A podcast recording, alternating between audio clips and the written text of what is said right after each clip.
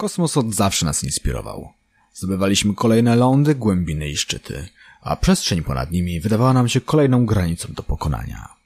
Marzenia zaszczepione nam przez pisarzy science fiction, rozdmuchane przez zimowojenny kosmiczny wyścig i wizje futurystów, zaczęły się spełniać. Patrzyliśmy na gwiazdy z utęsknieniem, czekając aż będziemy mogli spojrzeć tak samo i na Ziemię. Po zdobyciu księżyca zainteresowanie polityków, jak i społeczeństwa zaczęło jednak spadać, a coraz częściej zaczęto powtarzać jedno pytanie, które wraca do nas jak bumerang do dziś. Po co? Praktycznie zawsze przy otwartej dyskusji o podwoju kosmosu pojawia się jedna narracja. Ale po co to wszystko? To jest drogie. Nie lepiej wydać te pieniądze na bardziej praktyczne rzeczy? Jak na przykład lekarstwo na raka, budowę domów czy zasiłki dla bezrobotnych? I rzeczywiście, programy kosmiczne pochłaniają ogromne sumy pieniędzy. Budżet Europejskiej Agencji Kosmicznej tylko na bieżący rok to ponad 5 miliardów dolarów. Budżet NASA to blisko aż 26 miliardów dolarów. Koszt wyniesienia jednego kilograma ładunku na niską orbitę okołoziemską waha się w okolicach 15 tysięcy dolarów, a pojedyncza tylko misja wahadłowca przed ich wycofaniem kosztowało około 500 milionów dolarów. Trudno sobie nawet wyobrazić taką kwotę. I może właśnie dlatego opinia publiczna burzy się, słysząc o przekazywaniu miliardów dolarów na rakiety zamiast na domy dziecka, szpitale czy szkoły. Jednak choć z perspektywy pojedynczego człowieka można mówić o horrendalnie wysokich sumach, tak z perspektywy państwa nie są to kwoty wcale nadzwyczajne. Po zimnej wojnie, gdy zabrakło politycznych ambicji i wrogów do prześcignięcia, budżety ustalane na podbój kosmosu stały się bardziej proporcjonalne do możliwości państw je finansujących. Tak, Stany Zjednoczone, które wydają w tym sektorze najwięcej, przeznaczają na NASA zaledwie 48% swojego budżetu. Budżetu, który wynosi blisko 5 bilionów dolarów. Skoro wiemy, że stać nas na podbój kosmosu, czas odpowiedzieć na pytanie, czy warto w niego w ogóle inwestować, czy można wydać te pieniądze lepiej. Rozpatrzę tutaj pięć praktycznych powodów, które uważam za najistotniejsze w dyskusji o sensowności lotów w kosmos i podejmowaniu tak złożonych przedsięwzięć. Tak więc najbardziej przyziemnym powodem, dla którego tam latamy, są usługi, jakie można świadczyć z orbity. Bezzałogowe satelity umieszczone na odpowiedniej wysokości pokrywają swoim zasięgiem ogromny obszar. Praktycznie niemożliwy do pokrycia przy wykorzystaniu konwencjonalnych wież transmisyjnych. Ich zasięg dociera także tam, gdzie niemożliwe jest postawienie innych nadajników. Ale to nie tylko łączność, telewizja i internet.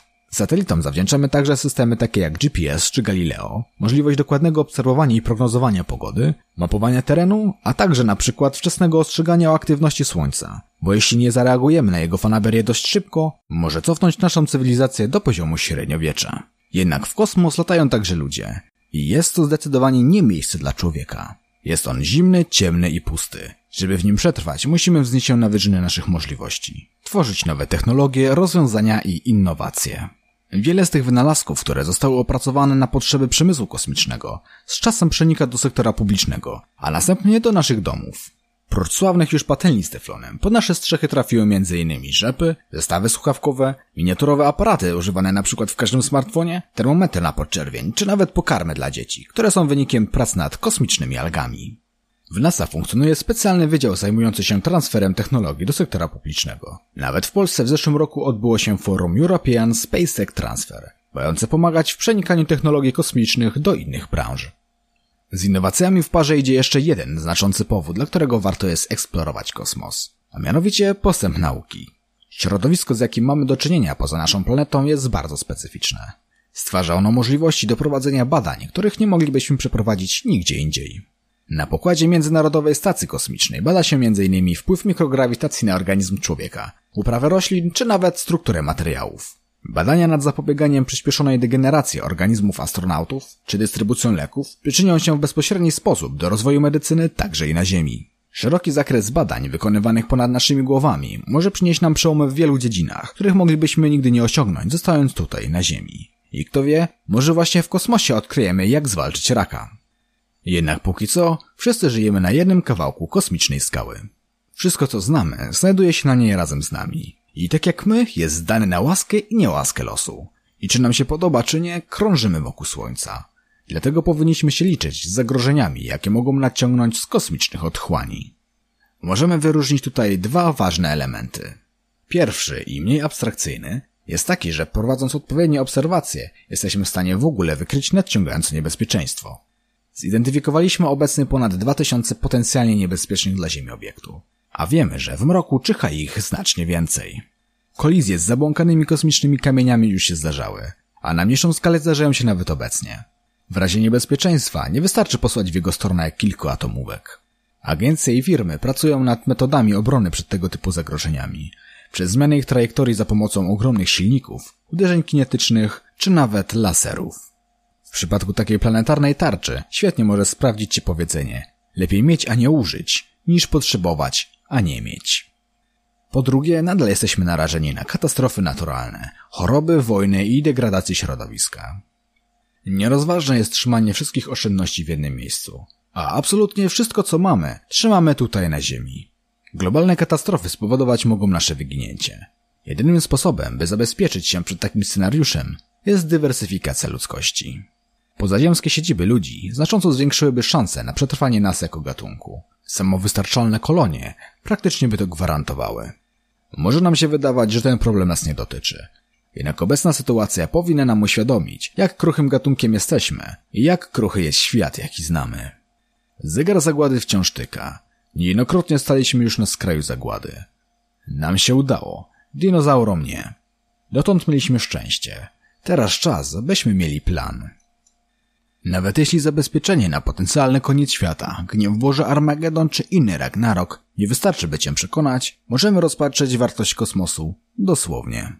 Nawet w naszej okolicy znaleźć możemy ogromne złoża niezwykle czystych surowców, takich jak nikiel, tytan, żelazo, a nawet złoto. Jedna tylko asteroida może zawierać go więcej, niż ludzkość zdążyła wydobyć przez całe swoje istnienie. Nasz naturalny satelita jest natomiast wysycony nawet cenniejszym niż złoto Helem-3. To izotop tego pierwiastka, produkowany przez Słońce, a zatrzymywany przez księżycowy regolit. Obecnie jest używany w przemyśle wysokich technologii. Jest kandydatem także na paliwo fuzyjne reaktorów przyszłości. I jest praktycznie niedostępny na Ziemi. A na Księżycu tylko czeka, aż ktoś go wykopie. Firmy z całego świata deklarują chęć pozyskania tych zasobów. Już wkrótce możemy mieć do czynienia z nowym wyścigiem w kosmos. Tym razem już nie dla polityki, ale dla prawdziwych korzyści. Ostatecznie może stać się to kolejnym sektorem gospodarki, przynoszącym wymierne zyski dla tych, którzy zdążyli w niego zainwestować odpowiednio wcześnie. Jako bonus powiem także o kosmicznej turystyce. Choć na razie jest to jedynie drogi kaprys, na którego spełnienie pozwolić sobie mogą jedynie najbogatsi, tak pokazuje on istnienie zainteresowania komercjalizacją i tego sektora usług. W końcu zarania lotnictwa, podniemne podróże również były zarezerwowane jedynie dla najbogatszych. Jednak im więcej latamy, tym technologia staje się lepsza, bezpieczniejsza, powszechniejsza, a koszty maleją. Realizacja kolejnych programów coraz bardziej przesuwa się w stronę prywatnych przedsiębiorstw. Z kolei rywalizacja pomiędzy nimi generuje kolejne innowacje. Rynek cały czas się rozszerza i staje się coraz bardziej dostępny. I kto wie, może i my niedługo pozwolić sobie będziemy mogli na wakacje z widokiem na niebieską planetę. Stąpając twardo po ziemi, trudno myśleć o gwiazdach jako o czymś namacalnym. Jednak gdyby nie nasz upór i ciekawość pchająca nas do zdobywania kolejnych granic, nie wiedzielibyśmy nawet, że istnieć mogą rzeczy, bez których nie wyobrażamy sobie teraz życia. Tak samo dziś nie myślimy, jak może się to przełożyć na naszą przyszłość. Podbój kosmosu to nasza dzisiejsza odpowiedź na problemy i potrzeby jutra. Przede wszystkim stanowi jednak inspirację dla kolejnych pokoleń patrzących w te same gwiazdy. Poruszyłem tu sporo wątków i obiecuję rozwinąć je wszystkie w następnych odcinkach tej serii. Pomysłów jest dużo więcej. Jeśli wszystko pójdzie co najmniej tak dobrze jak dotąd, będziemy mieli wiele kolejnych wizyt w przyszłości, przeszłości i gdzieś pomiędzy. Omówimy kamienie milowe podboju kosmosu oraz mniej i bardziej szalone pomysły, historię najważniejszych projektów i wizję przyszłych misji, które mają zabrać nas do gwiazd. Wszystkie ręce na pokład? Trzymajcie się!